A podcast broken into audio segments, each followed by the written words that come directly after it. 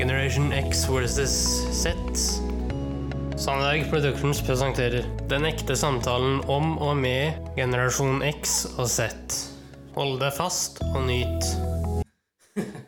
nei, Jo, jeg, jeg skal nei, nei. nei. Jeg Ikke hvis du skal tygge. Jeg tygger ikke. Åh, herre.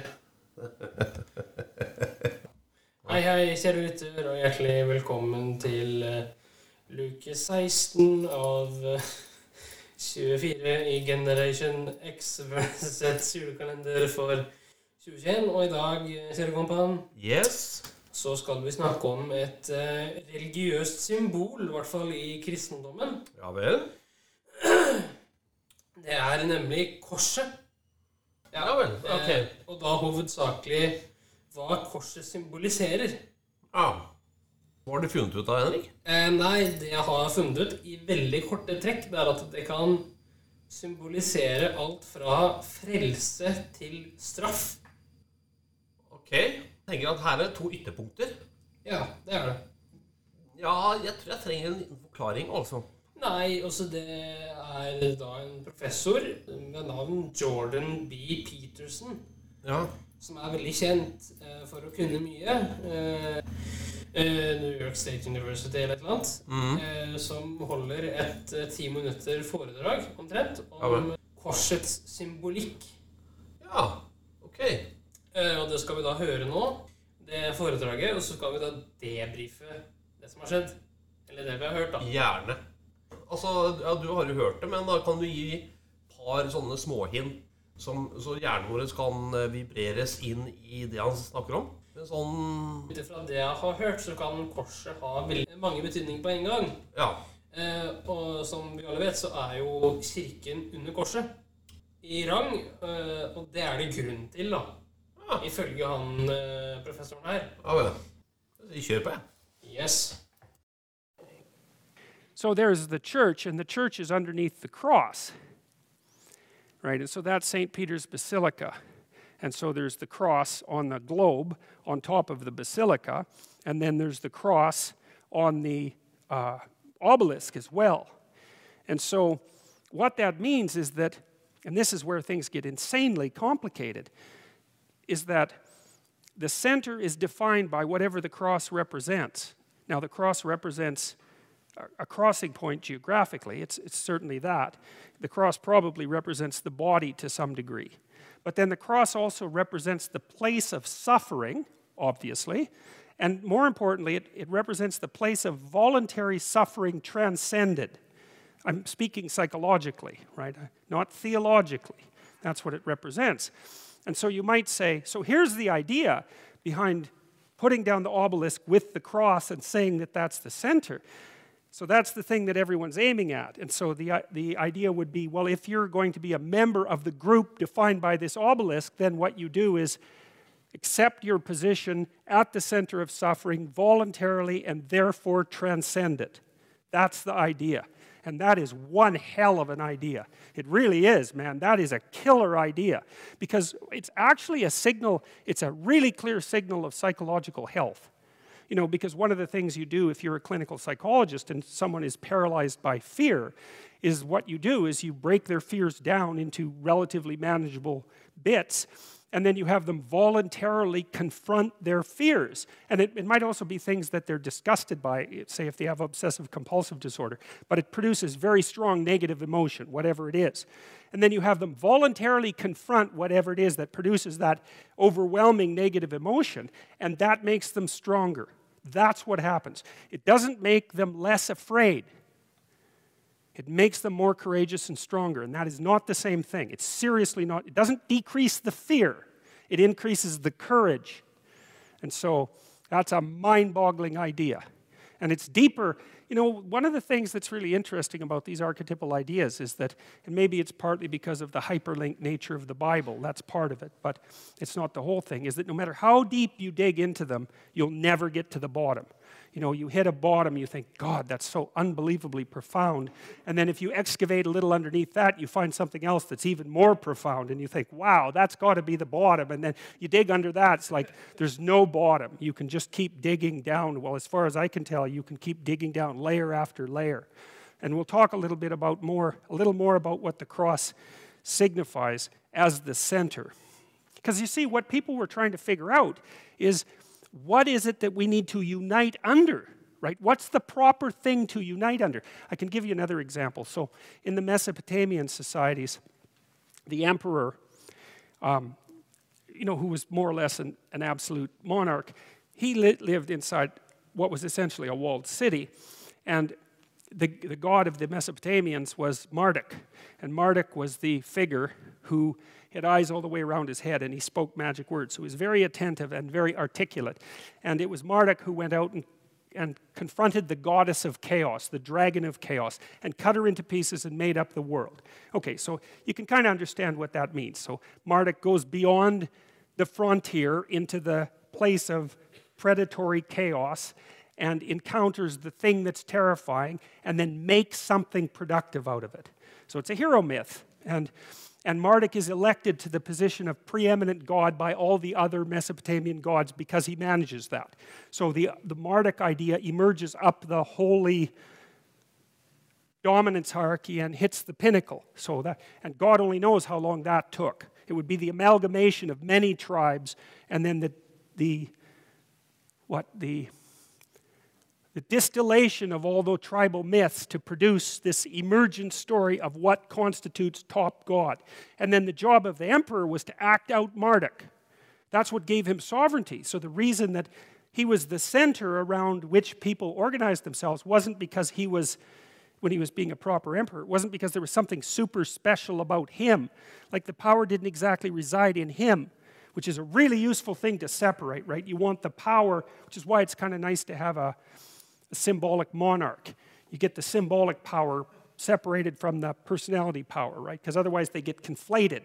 That's what happened in Rome. It's a very, and, it, it, you, know, you can see it tending to happen now and then in the US, like with the Kennedy dynasties and that sort of thing. So, the idea was the emperor had sovereignty as long as he was acting out Marduk properly and going out into the chaos and cutting it into pieces and making order. That was his job. So they used to take him outside the city on the New Year's festival and strip him of all his emperor garments and humiliate him and then force him to, to uh, confess all the ways that year he hadn't been a good Marduk. So he wasn't a good ruler. And so that was supposed to clue him in and wake him up, right? And then they would ritually reenact the battle of Marduk against Tiamat, the chaos monster, using statues. And then, if that all went well, then the emperor would go back in and the city would be renewed for another year. And we, we still have echoes of that in our New Year's celebration, right? It's the same idea that's echoed down all those, all those centuries, thousands of years. So it's a, such a staggeringly brilliant idea, right? Because so part of the idea is that the thing that's sovereign, so that's the pillar at the center that, that everyone gathers around, is at least in part the thing that courageously goes out into the unknown and makes something useful out, out of it for the community. So that's very, very smart. It's very smart. So this is another example of a center. So these, this is the flag, this is the Union Jack, and so it's made up of a bunch of crosses, right? And so the first cross, the English cross, that's the flag of St. George, that's the flag of England. And Saint, what does St. George do? Slays the dragon, exactly. Same idea, right? So St. George, patron saint of England, goes out and slays the dragon and frees the virgin from the grip of the dragon. Same idea, right? So that's the center. And then the second cross is called a, a saltire, but it's another crucifix. So it's the cross on which St. Andrew was crucified. So it's the same idea. It's the, the center is the center of suffering voluntarily undertaken because St. Andrew was a martyr. And then St. Patrick is the third cross. What did St. Patrick do in Ireland? Chased out all the snakes. Right, so it's the same thing, right? And so the flag of Great Britain is the combination of all of these three crosses that defines the center, and that's what the flag is. So that symbolizes all of that. So that's, you know, completely mind boggling. So, and there's more about St. Patrick too. So, he banishes the snakes after a 40 day fast. And so, that's uh, an allusion to the 40 years that Moses spends in the desert and also the 40 days that Christ fasts in the New Testament. And his walking stick, when he plants it, grows into a tree. So, that echoes all of the ideas about the center that we just described. And he also speaks with the ancient Irish ancestors, which, if you remember, is a characteristic of the shamanic rituals where, where so in the typical shamanic ritual, which seems to be elicited by psychedelic use, the shaman dissolve down past their bones and then they go up into heaven and speak with the ancestors and then they're introduced into the heavenly kingdom and then the flesh is put back on their bones and they come back and tell everybody what happened.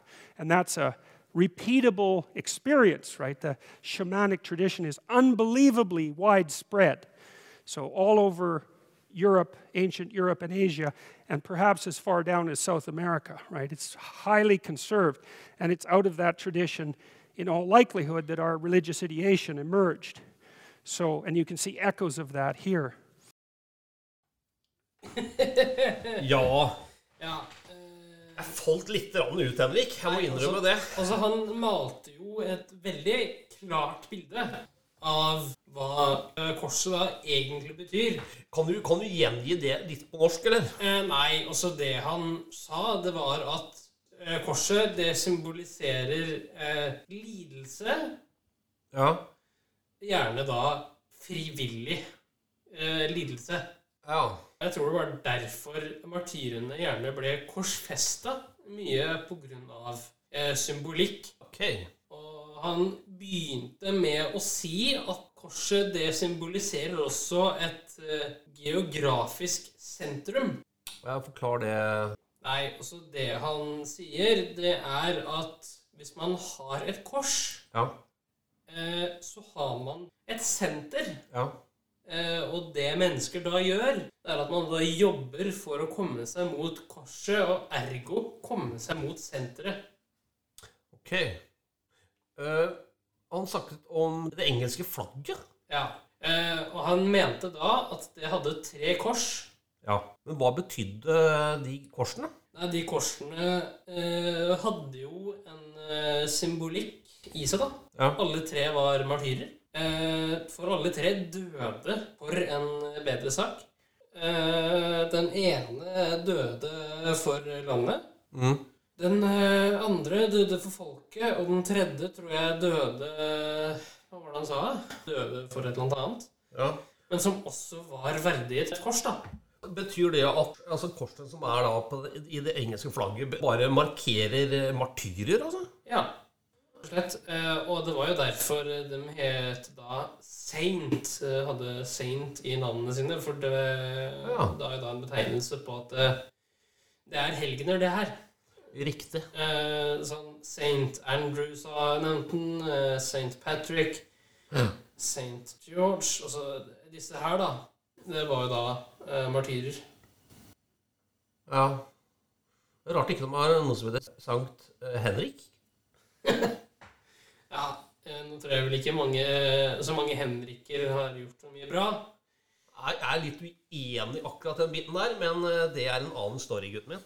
Ja, eh, og jeg tror også at det er grunnen da, til at Den norske kirke bruker et kors.